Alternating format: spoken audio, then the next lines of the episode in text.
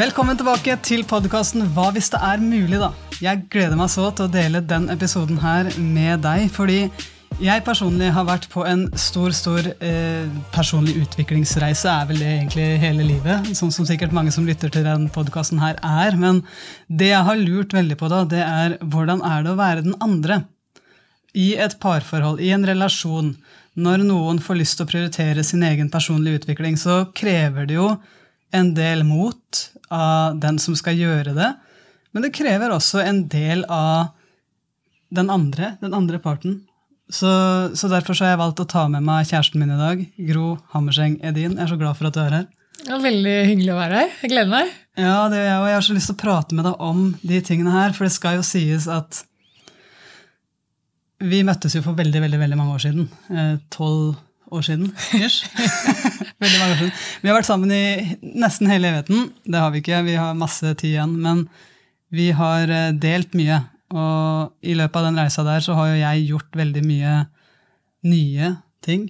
Jeg har jo gjort mye for min egen personlige vekst og blitt ganske opptatt av det. Og det, det er jo noe som ikke bare skjer der og da, men som skjer som en transformasjon i hele livet. Og, og som påvirker veldig mange deler av livet. Og det er alt fra meditasjon til pust til å reise til India i en del dager, til å reise på Vipassana i ti dager. Og, og, da lurer jeg på hvordan er det å være den andre parten i det parforholdet?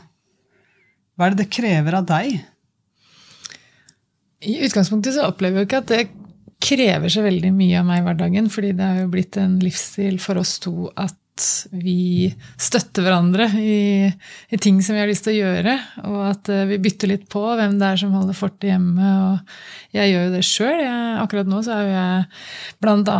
landslagstrener for det yngste jentelandslaget, og det betyr at jeg er en del borte. Så, så, jeg vil jo si at det her er jo en sånn greie som du gir meg, og jeg gir deg, i form av frihet til å følge litt uh, drømmene sine, holde på med ting som man brenner for. Men jeg tenker sånn, For de som har fulgt deg nå og, og hører på podkasten din, så, så, har jeg egentlig mer lyst til å starte med å spørre deg eh, som har vært i India, da, og gjort noe som du har drømt om i eh, veldig lang tid. og snakka lenge om at du hadde lyst til å reise til India. Plutselig så dukka muligheten opp, og du var borte i en uke i høstferien. Da har jeg bare lyst til å starte med å spørre er det noe som har endra deg? Eller hva, hva, sitter du igjen med etter den uh, uka der? Uh, er du den samme, Anja, eller kommer du hjem med noe, noe påfyll eller noe i bagasjen som har endra deg? Jeg tror jo at uh, jeg kommer hjem med veldig, veldig mye som, som, jeg kan bruke i livet. Men du vet, her, her så blir det forska veldig mye på lykke, og vi leser mange forskningsrapporter om lykke. men når jeg kom ned dit, så opplevde jeg så vanvittig mange mennesker som bare var De bare var. De bare var lykkelige. De bare var oppriktig fylt med kjærlighet. Og det som møtte meg når jeg kommer ned dit, i et land jeg aldri har vært før og i jeg var jo i ashrammet til Art of Living. Aldri vært der før heller. Og jeg møter så vanvittig mange mennesker i løpet av de dagene der, og alle sier 'hei, velkommen hjem'. Og, og det, det, var en setning som alle sa til meg, og som når de sa det, så var det med øyekontakt. Og det var en sånn oppriktig, ektefølt følelse at uh, her tar vi vare på deg. Og det var så godt å kjenne. Og jeg husker så godt at jeg, det er noen menneskemøter der som gjorde veldig veldig inntrykk på meg, og særlig i forhold til det her med å, å ha det bra inni seg, da, på ekte. For vi hadde, jo, vi hadde jo mye hjelp der nede. Og det var en som blei Hun kalte seg min assistent, men hun, hun, var jo ikke det. Men hun var min hjelper, og jeg kalte hun min venn. Da. Og hun Til slutt så spurte jeg henne hva, hva er det du gjør i det øyeblikket du skal hjem og besøke mammaen og pappaen din, og du ikke skal være her inne i ashramet mer, for de gjør det her 100 frivillig. De tjener ingen penger på det, og hun har dedikert livet sitt til å jobbe frivillig bare for å hjelpe sånne som meg, som kommer ned der for første gang, da, som aldri har vært der før, og som har lyst til å utforske, har lyst til å lære, har lyst til å ja, finne ut mer om både pust og meditasjon og hele den tingen der. Så sa jeg hva, hvordan, hvordan gjør du det hvis du skal hjem? Bussbilletter koster penger. altså Reiser koster, da. Og det er jo den tankegangen der vi er veldig vant til å tenke her hos oss. Og hun bare smilte og sier nei, nei, slapp av, min, min bankkonto er full. Så jeg, ok, hvordan? Hva, hva skjedde der? Nei, hun, eh, hun, hadde hatt en kjempestor jobb i et IT-firma, så hadde jeg bare hoppa av. Og så pekte jeg på han kompisen sin, og så sier jeg og han han gjorde det ganske bra i Silicon Valley, så han har, også, han har også en ganske stappfull bankkonto. Men begge de to hadde jo da vært en del av det samfunnet som, som vi lever i i dag. Og så bare nå finner ut at deres oppriktige glede, det var ikke det jaget der. da. Det var å kunne være der for andre og hjelpe og gi kjærlighet. og, og bidra med, De var også instruktører i noen puste, pusteprogrammer og meditasjonsprogrammer der nede. Så, så jeg tror den, den, kraften av å gi, den kraften av å, å, være et menneske som er der for andre mennesker det, Jeg kommer aldri til å glemme de menneskemøtene der. fordi at det, det er så fort gjort at det blir fraser her hjemme. Det er så fort gjort at vi skriver sånn her bare be, be, kind på Instagram. Be kind. Og så står de samme menneskene etterpå butikken og, og sladrer om en eller annen de kjenner. liksom. Men jeg får så lyst til å virkelig være et bedre menneske, da. Følte du at du kom hjem? Ja. Jeg gjorde det. Og så jeg, jeg, følte oppriktig at jeg var hjemme der. Eh, samtidig som hjem alltid er med deg og ungene. Eh, så, så, følte jeg virkelig at med så mye kjærlighet rundt meg, så, så, var det en enorm fin opplevelse å få være der og bare virkelig oppleve at det var bare ektefølt. Det var ikke noe, sånn, det var ikke noe flørting, det var ikke noe om å gjøre å være pen, det var ikke noe om å gjøre å være god i noe, det var ikke noe om å gjøre å heve seg over andre. Det var bare Her kan du være deg, og med alle dine greier.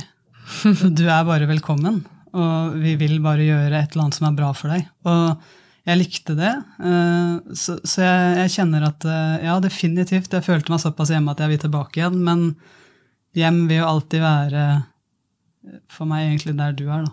Sånn, sånn ja, ja, så kommer vi tilbake til det, det, du sa akkurat nå. Eh, for det er jo noe jeg har tenkt litt på når du har hatt lyst til å reise på disse litt fremmede tingene for min del. Da. Men før vi snakker om det, så har jeg lyst til å spørre deg hvordan var det å skulle dele med meg at du hadde tenkt det, eller hadde lyst til, å reise til India i høstferien til gutta? Det er jo, Og det er litt av grunnen til at jeg ville lage den podkasten her, for det var ikke lett. Eh, for der føler jeg at mitt ego har så lyst til å reise for noe som er viktig for meg. Og så står jeg der og er en person i en familie med tre andre som eh, jeg må reise fra. Og det å faktisk være så ærlig og si at det her er noe jeg har lyst til, og ikke bake det inn i at ja, men det her er noe jeg må, eller ingenting sånt. Og bare tørre å være ærlig og snakke rett fra hjertet der at jeg, jeg skjønner jo at det her innebærer at det kan være litt dårlig timing. Høstferien hvor begge gutta er hjemme, du må ta de aleine hele uka. Og jeg kjenner at det krever mot av meg. Og jeg tror det er mange med meg som kjenner at ved å våge å være såpass ærlig med de vi er glad i, så det er nesten lettere å la være. Fordi at jeg vet at det her er for meg, og, og det setter meg over Over på en måte familieidyllen vi kunne hatt da, i mm. høstferien. Men samtidig så, det, så vet jeg jo det at jeg ville angra hvis jeg ikke hadde gjort det. Og det kan også hende at jeg kommer hjem som et menneske som har noen innsikter, og, og kanskje også faktisk noen nye sider, håper jeg, eh, som gjør at det kommer min familie til gode. da. Ja, og så skal det jo sies at du faktisk inviterte oss med. Du spurte jo om vi hadde lyst til å reise hele gjengen, og, og der møter jo vi Eh, en av de ulikhetene i oss som personer. Fordi at jeg tror nok absolutt at vi kan reise til India som familie, men jeg klarer ikke å omstille huet mitt til at det er noe som skal skje eh, så raskt. da. For det, det, var ikke så veldig sånn lenge før avreise du foreslo at vi skulle reise alle. Eller du har nevnt det, men vi visste jo ikke helt når. og eh, Du fikk jo egentlig vite først et par uker før reisa hvilke datoer det var snakk om. Ja. Eh, og, og, da kjente jeg at jeg begynte å tenke sånn oi, oi, oi, men han har fire år, han minste. Det er en lang reise. Det er for en ganske kort tur. Det endte jo med å bli litt kortere enn det du hadde tenkt. Du foreslo jo en fredag til søndag. Og så har jeg øvd på å eh, tørre å si hvordan jeg opplever ting. og da, da, sa jeg men det kan hjelpe mye hvis vi gjør det til én uke istedenfor ni dager. fordi da får vi to dager sammen før du reiser. Og, og, det har vi blitt gode på, at vi kan snakke om de tinga. Og så gjorde jo du en justering relativt raskt som betydde at du måtte reise aleine til India istedenfor å ha reisefølge. Men det gjorde du jo. Og ikke minst så, eh, fra mitt ståsted, så var det jo egentlig en lettelse å kunne la deg få lov å gjøre noe for deg. Eh, fordi at jeg har vært en del på reise med håndballen. Og vet at det kommer noen samlinger framover hvor jeg skal være borte. og føltes veldig godt for meg at du skulle få lov å gjøre det du drømte om. Og jeg tenkte faktisk også at det kanskje ville bli roligere, eh, og at du ville få mer ut av det ved å reise faktisk aleine. Eh, for vi veit jo alle sammen at uh, f.eks. han på fire, Leo, han er jo ikke alltid interessert i å gjøre de samme tingene som oss. Mm. Eh, og han er veldig sånn Han henger jo mye i rumpa di. Ja. Men var det lettere å så dele at du hadde lyst til å reise til India, enn det å dele for noen år siden at du ville reise ti dager i stillhet i Sverige? Det er jo jeg vet ikke hvor mange år siden det er, men det er jo en stund siden. Ja. Det var kanskje første gang du skulle gjøre noe som var såpass annerledes. da. Ja. Var det forskjell, opplever du? Eh, ja, eh, jeg, syns det var forskjell fordi at eh, jeg opplever virkelig så mye støtte fra deg i en, i en, verden som jeg har navigert i i mange år nå. Eh, og når jeg skulle til Vipassana, så var det det var noe Jeg hadde meditert litt, men ikke, ikke på langt nær så mye som det jeg har gjort nå. Og du vet at det er en såpass stor del av mitt liv, pluss at når jeg nå skulle til India, så skulle jeg også delta på en konferanse. Eh, så det var jo også litt bidrag i, innenfor jobb der, da. Eh, så det var ikke bare min egen personlige utvikling. Men, men jeg syns det var lettere nå fordi at eh, jeg vet at du tidligere har satt ord på at du syns at jeg blir litt mer tålmodig, litt mindre reaktiv, litt mindre kreativ òg. Jeg er ganske kreativ. Og og det er ikke det at jeg blir mindre kreativ, men det er sånn at eh, når jeg er med deg, så klarer jeg faktisk å være med deg veldig ofte. Og Tidligere så var det så deilig når fokuset bare få lov å leke fritt sant, i den mentale verden. Jeg syns det er så mye gøy som skjer der oppe òg. Eh, men jeg vet jo at meditasjon for meg har gitt meg den gaven å klare å være der når jeg er der. Og, og, det er noe som, det er litt som kondis. Det er ikke noe jeg bare kan si at jeg mediterte en gang i tida, så da, da blei jeg tilstedeværende hele tida. Det er noe jeg må gjøre hver dag, og det vet du jo. Så sånn sett så var det nok lettere for meg nå, i og med at du vet at det er såpass stor del av mitt liv da, nå. Mm. Jeg husker at uh, når du skulle spørre om uh, hva jeg tenkte om det, om du kunne reise ti dager uh, til Sverige og meditere hele tida Og det betydde at jeg ikke kunne nå deg på telefon da, de dagene. Eh, så husker jeg jo at når du skulle legge det fram, så var du altså så bleik, og du, eh, du sa 'jeg er nødt til å prate med deg om noe', med sånn veldig alvorlig stemme. Og jeg husker at jeg rakk å forberede meg på så mye greier. Jeg tenkte sånn, Med det fjeset der så må det jo være noe skikkelig ille. liksom. Jeg tenkte har, jeg kyssa noen andre, eller hva er det som har skjedd? liksom? Og så blei jeg egentlig så inderlig letta når det viste seg at dette var det du skulle på en måte spørre om uten at du trenger å spørre om lov til ting, så er det sånn at du lufter jo hva jeg tenker om det aller meste, heldigvis. Eh, og så visste jeg at det ville bli utfordrende for meg, fordi jeg er vant til å snakke med deg hver dag. Og jeg liker det veldig godt. Eh, det har på en måte vært en sånn rutine vi alltid har hatt. Uh, så det blei jo en personlig utvikling for meg òg, å være hjemme uten å kunne ringe deg hvis det var et eller annet som jeg hadde lyst til å snakke med deg om. Mm. Og jeg tror egentlig jeg valgte å se på det som en sånn liten øvelse for egen del òg, på å gi litt slipp. Og kjenne på den selvstendigheten og tryggheten i meg sjøl som jeg egentlig er ganske avhengig av. Eh, og som ikke Jeg får ikke øvd så mye på å være så mm. selvstendig når jeg alltid har deg ved min side, som en sånn støtte og styrke og samtalepartner. Da. Så det jeg husker jeg var mest redd for, det var Tenk hvis hun bare liker det her så sykt godt, å være med mennesker som er så dedikert i det samme feltet. Da. Og kanskje noe som jeg enda ikke skjønte så mye av. Og tenk hvis du finner en eller annen sånn ro der i meditasjonens verden som gjør at du ikke vil tilbake til det livet du har med meg. Da. Eh, det husker jeg at jeg var bitte litt engstelig for. At du er jo ganske nerd på det her med meditasjon. Ja, ja. Eh, og da, da var det en bitte liten del av meg som tenkte at ok, det kan jo være at du ender opp med å bare si at nei, du, nå flytter jeg til India, ja, og, så, og så blir jeg der, og så skal jeg holde på med dette full tid. Eh, og så visste jeg jo at det var ganske liten sjanse for det, men det var allikevel en liten frykt som jeg måtte møte, da. Eh, så jeg var spent når du kom hjem og vi ikke hadde snakka sammen på så mange dager, og, og høre hva er det du sitter igjen med. Og det ble jeg ganske overraska over. Eh, de svara eller de innsiktene du fikk eh, av å sitte der med deg sjøl i så mange dager. Det har du sikkert snakka om i podkaster før, men, ja, men hvis, ta det. hvis man er ny lytter, da, så var jo noe av det du sa at du hadde fått ut av det, var at jeg vil ha flere barn. Mm. Og jeg skal jobbe mindre.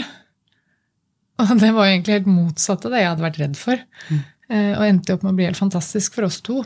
Jeg visste jo at jeg ville ha flere barn, men du var litt usikker. Eh, Så jeg tenkte at det skal jeg i hvert fall ikke mase om. Da er jeg takknemlig for det ene vi har fått.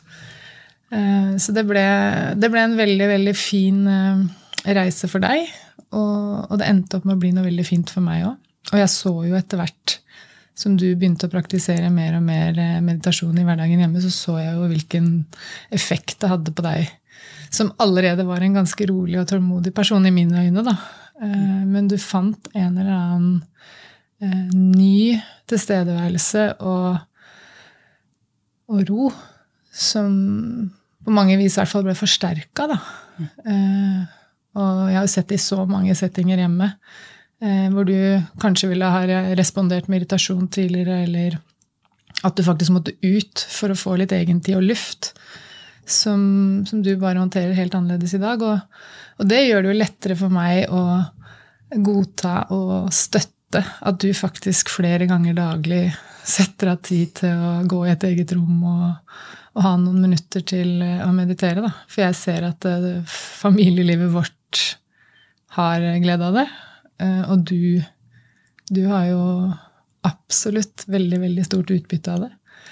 Ja, og, og for meg så er det jo Det er en stor del av livet nå. Eh, Men jeg har vært helt avhengig av din støtte og, og din tålmodighet og din kjærlighet i møte med såpass store endringer som f.eks. at jeg prioriterer tid. Tid er jo noe av det mest dyrebare vi har. Og så prioriterer jeg det til å faktisk gjøre pusteøvelser eller meditasjonsøvelser. Eh, prioritere tid til å reise bort til India og Vipassana og gjøre sånne ting. Retreats. Jeg har hatt mange silent retreats noen helger òg. Eh, og, og også på kostholdsbiten, da. At, eh, for det har jo vært store endringer i livet vårt, og du står fortsatt her ved min side og er min bunnsolide støttespiller med såpass store endringer eh, fra den jeg var kanskje når du møtte meg, til nå, da.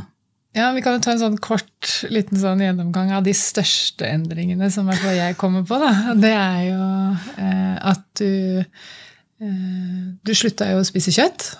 Um, og det er jo en god stund siden. Det var ingen vi kjente egentlig som var vegetarianere, bortsett fra søstera di. Men sånn, i vennekretsen vår og, og sånn, så var jo ikke det så veldig vanlig. Eh, og du hadde en periode hvor du slutta å drikke alkohol helt, fullstendig. Et par år, kanskje. I hvert fall ganske lenge. Eh, og jeg er jo veldig glad i å ta et glass vin, og ikke store mengder. Eh, men det å liksom gjøre det til en litt romantisk greie eh, sammen, da, det, det var jo noe som jeg savna litt i den perioden. Men jeg hadde jo ikke noe problem med å støtte det. altså Da drakk du te. Men, men det har det jo gått litt sånn tilbake fra, sånn at vi av og til deler et glass vin. Og kanskje er det litt fordi du også ser at eh, du har lyst til å strekke deg litt for meg. Jeg vet ikke, aner ikke. Men det er i hvert fall en ganske sånn stor endring du gjorde. Og så er det dette med meditasjon. Um, du har egentlig alltid vært en type som har gått dine egne veier. Sånn jeg har sett deg i de åra vi har kjent hverandre. Som håndballspiller var du annerledes enn de fleste. Du øvde på øvde på triks og skudd bak ryggen og elska å jobbe med flyvere. og Det er jo mange som kanskje gjør det, men du var jo ekstra dedikert i den delen av spillet. Og var jo på en måte en entertainer og en liten sånn kunstner. Og jeg har jo hørt det så mange ganger at det var mennesker som kom på håndballkamp bare det. Bare for at de håpa at kanskje du skulle finne på et eller annet sånn stunt da, som, som bare du gjorde. Eh, og så husker jeg når vi ble kjent, at du snakka om andre ting. Og du stilte andre spørsmål enn de aller aller fleste som jeg hadde møtt så langt i livet. Da. Og det er noe av det jeg falt veldig for og syns er spennende og interessant. Men jeg kan jo tenke meg at det har vært Du må ikke le. Nei, jeg, bare, jeg hører den oppsummeringa, så tenker jeg at Ja, du har stått i litt. Ja, men jeg, jeg er jo også veldig tiltrukket av akkurat den delen av deg. Eh, at du tør å gå dine egne veier, du tør å gjøre dine egne ting. Og du er ikke så veldig avhengig av at du har noen ved din side som driver med det samme, eller som har vist at dette er innafor, dette syns folk er kult. Du, du, gjør din greie. Og eh, jeg delte jo en podkastepisode med deg for et par uker siden som jeg ble tipsa om av en kollega i TV 2, faktisk. Mm. Eh, som handler om en eh, basketspiller. Det er en story om en basketspiller som gjorde noe litt annerledes enn andre. Mm. Og jeg visste at jeg kom til å elske den episoden og være uh, veldig klar for å liksom, snakke om den i etterkant. Uh, og jeg visste at det kunne bli podkastmateriale.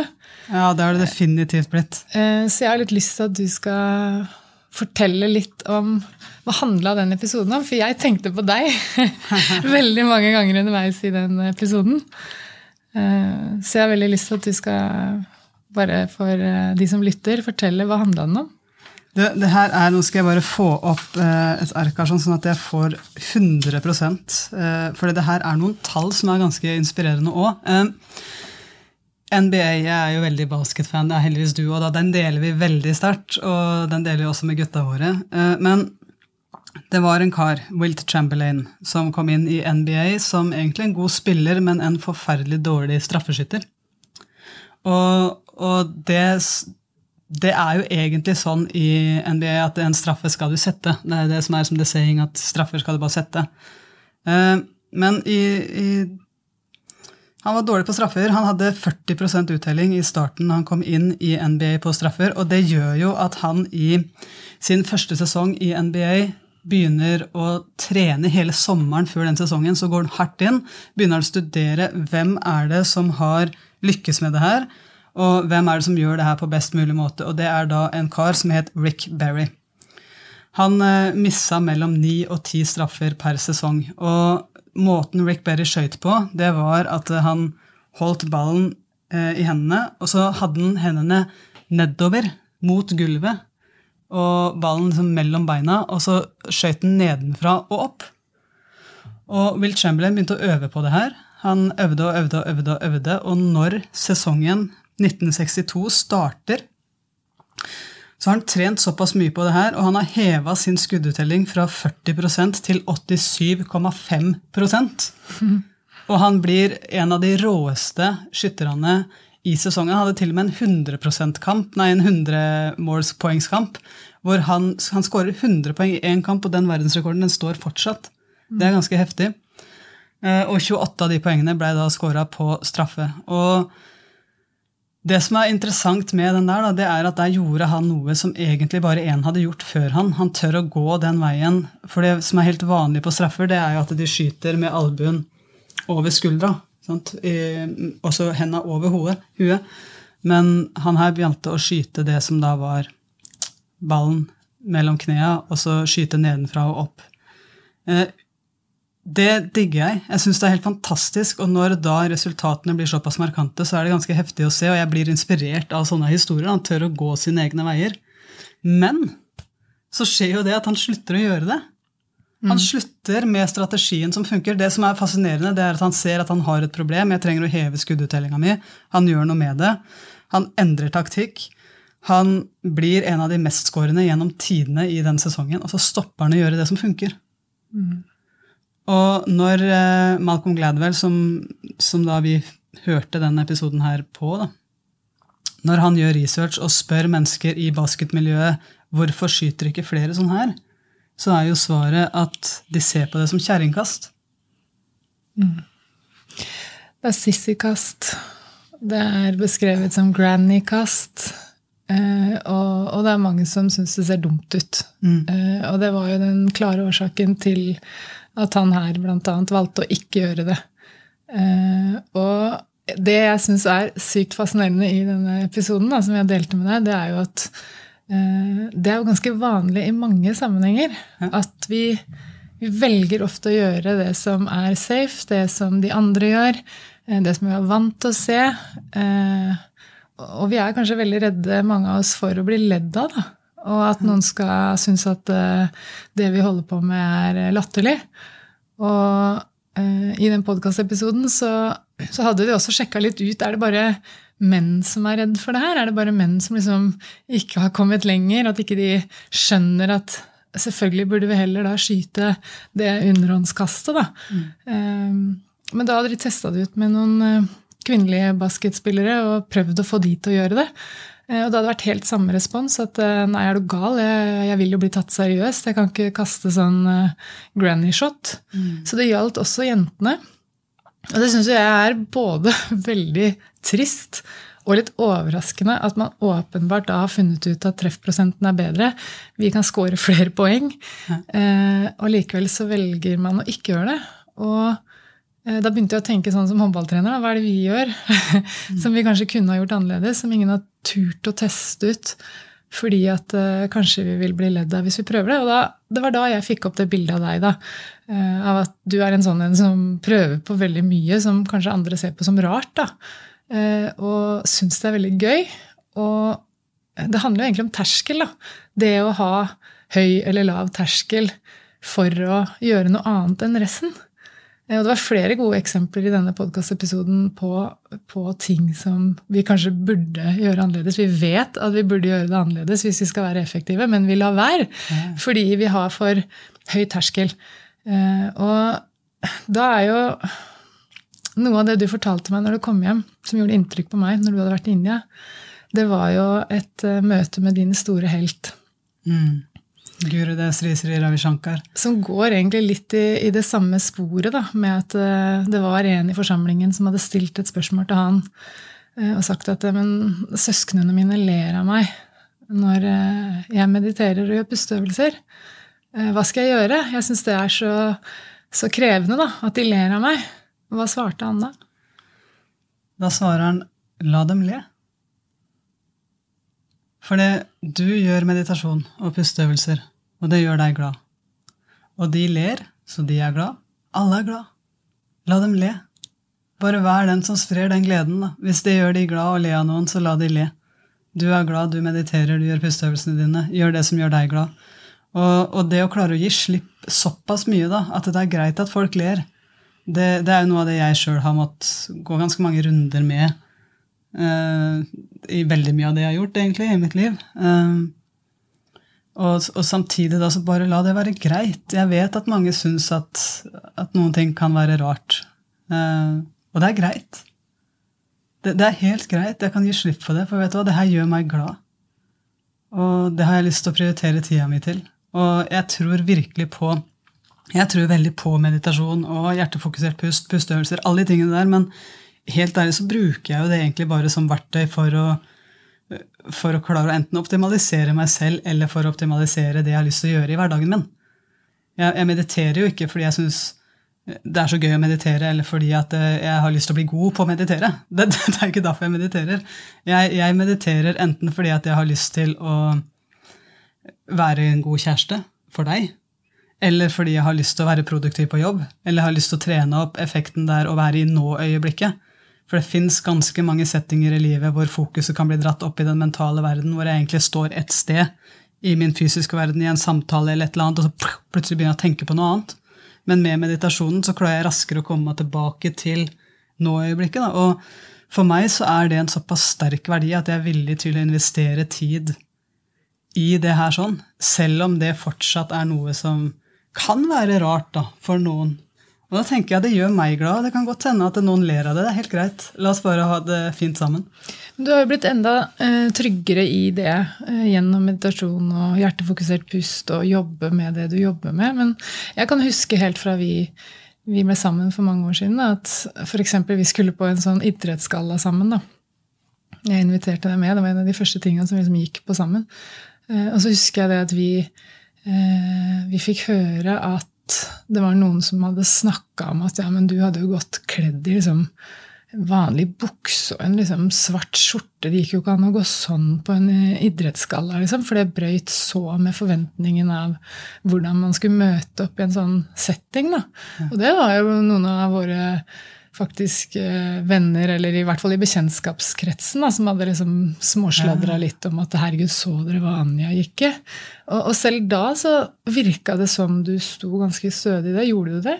Ja, egentlig så gjorde jeg det. For der har jeg alltid vært veldig Der ser jeg at problemet er egentlig ikke meg, eh, hvis jeg skal være helt ærlig. Mm. Eh, og jeg vet også at en av de som sa det her sånn, det er en samme person som helt ofte og fint legger ut eh, symboler på sosiale medier om å være snill og være et medmenneske, og, og som fronter den delen der òg. Og da tenker jeg at når det er såpass stor mismatch, da, så, så det eneste jeg kan gjøre, det er å bidra til mer kjærlighet, sånn at den kjærligheten blir spredd. Og jeg tror ikke en person som er stappfull av kjærlighet til andre mennesker, har behov for å kritisere andre menneskers klær, kropp og hårfarge hårsveis, ingenting sånt. Jeg tror mennesker som virkelig har det godt inni seg, de, de snakker ikke sånn. De trenger ikke det. Så det er liksom den kunsten å møte det med kjærlighet. da. Mm. Og, og, jeg tror når vi det er, lett, det er, lett, å si bare 'la være å dømme hverandre'.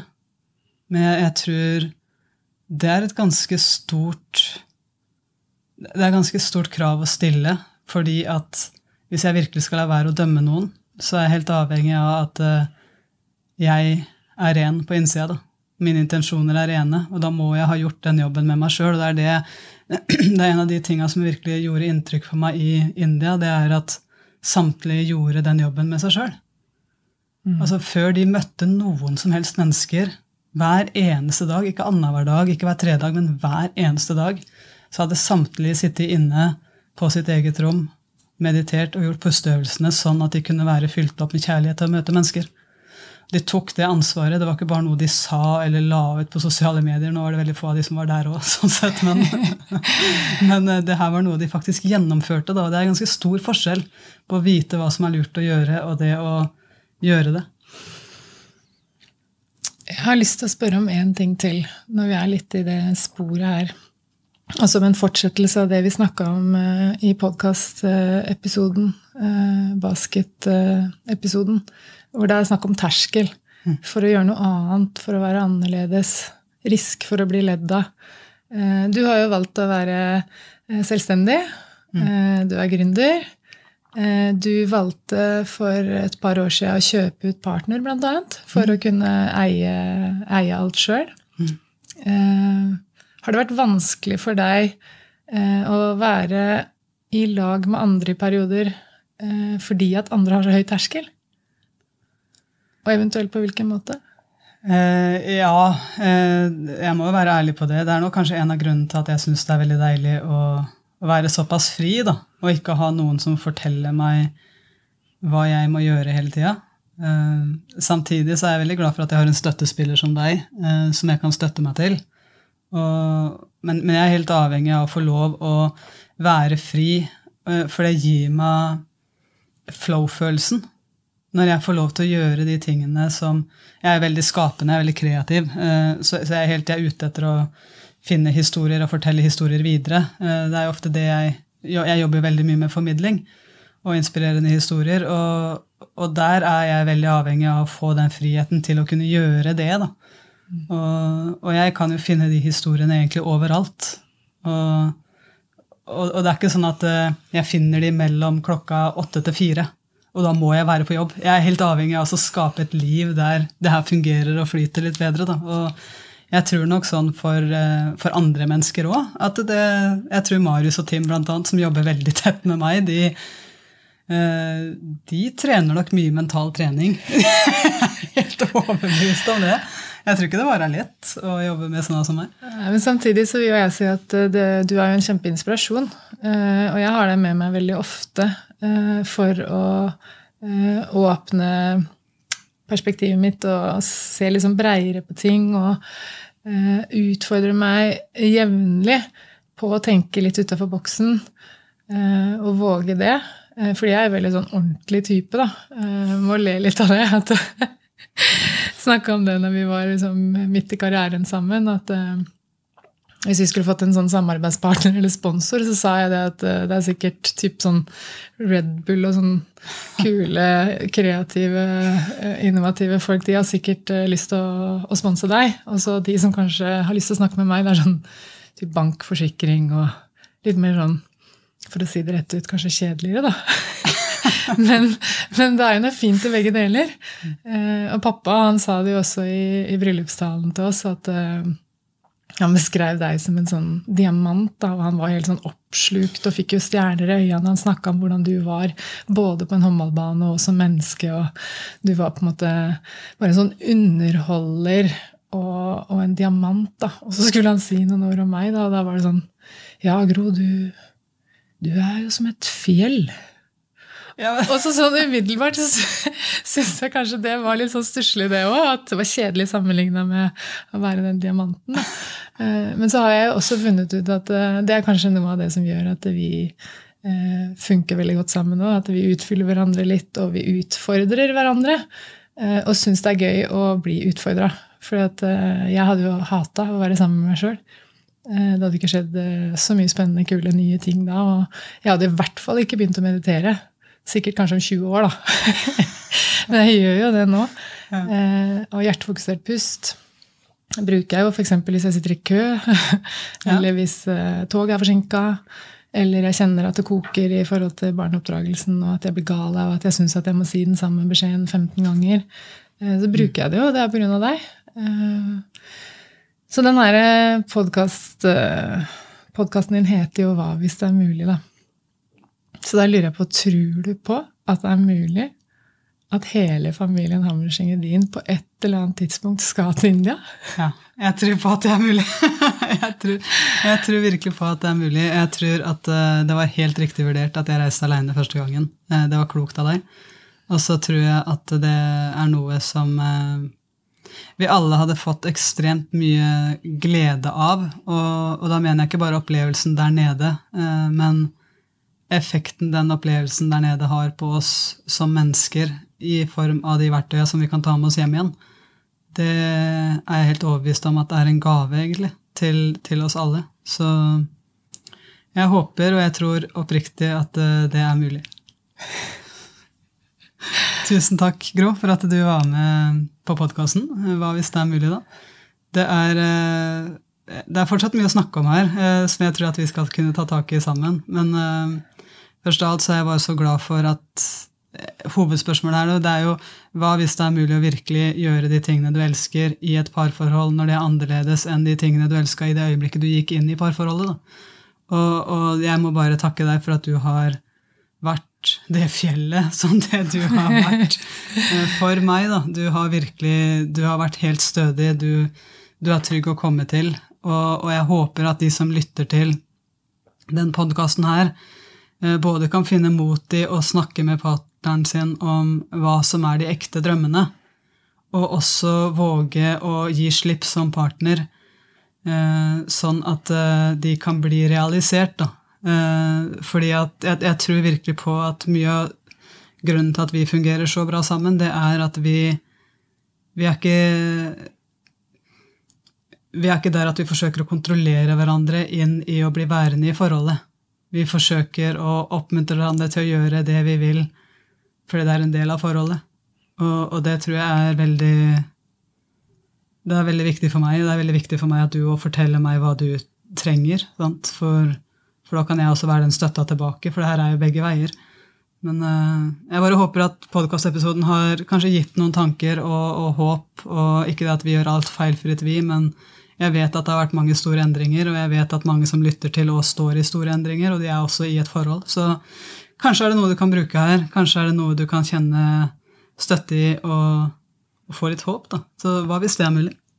Ja, Hvis du ikke er i et forhold, så kan det hende du har en vennegjeng eller en nær relasjon hvor det er vanskelig å tørre å sette ord på hva du faktisk har lyst til å bruke tida di på, som kanskje vil faktisk endre deg litt, da, og som vil gjøre at du kommer til å gjøre ting på en annen måte, du kommer til å prioritere annerledes. Og jeg tror det har betydd veldig, veldig mye for meg at Jeg har gjennomgått en kjempestor endring sjøl gjennom det å, å, flytte utenlands, satse på en toppidrettskarriere, faktisk fortsette å gjøre det mens vi ble foreldre første gang. Um, og det har skjedd veldig veldig mye. Og jeg er jo ikke den samme som jeg var uh, da jeg flytta fra Gjøvik når jeg var Jeg husker ikke engang hva jeg var. 23. uh, eh, og det at jeg da har uh, noen venner som ikke jeg ser så mye i hverdagen i dag, men som har vært der siden den gang, som fortsatt er glad i meg, og som har heia på meg underveis. Selv om jeg er en, en endra Gro fra den gangen. Selvfølgelig er jeg det, og det er jo positivt i min verden. da. Eh, det er jo fordi jeg har fått påfyll. Mm. og jeg har lært og jeg har erfart og jeg har møtt masse mennesker som har gitt meg inspirasjon til å ta andre valg, eller ja, jeg har fått nye roller. Eh, så det har i hvert fall betydd mye for meg. Så selv om du ikke er parforhold, så vil jeg tro du er i relasjoner i livet ditt som, som kanskje kan vokse og bli enda sterkere, hvis du tør å eh, dele mer av hva du faktisk brenner for, og hva du har lyst til å gjøre, som ikke nødvendigvis er akkurat det samme som du gjorde når du gikk på ungdomsskolen eller var i starten av 20-åra. Tusen takk for at dere lytta til podkasten Hva, hvis det er mulig. da. Dere finner oss på Instagram. Gro har eh, Hammerseng-Edin-kontoen. Du er sjefsdama i Hammerseng-Edin-kontoen, det vil jeg si. Jeg var litt slack der, eh, eh, men eh, jeg også er med der innimellom. Og så er det kontoen for sånne her ting, da. Litt mer sånn nerdy talks. Eh, den heter Anja Hammerseng-Edin. Eh, så hvis det er noe dere lurer på eller har lyst til å, å fortelle, så ta gjerne kontakt med oss. Det er veldig, veldig hyggelig. Og så finner du også meg hver tirsdag i appen Heart Mentality, hvor jeg jobber med hjertefokusert pust, hvor jeg jobber med takknemlighet. Og jeg klarer ikke å dy meg, så jeg har alltid en eller annen inspirerende historie som jeg blir inspirert av. for jeg synes Det kan ikke bare være sånn dypt dypt, dypt inn i den. Det må være litt sånn Yes! Det her blir jeg glad av. Det må være begge deler. Så takk for at dere lytta, og nyt dagen videre.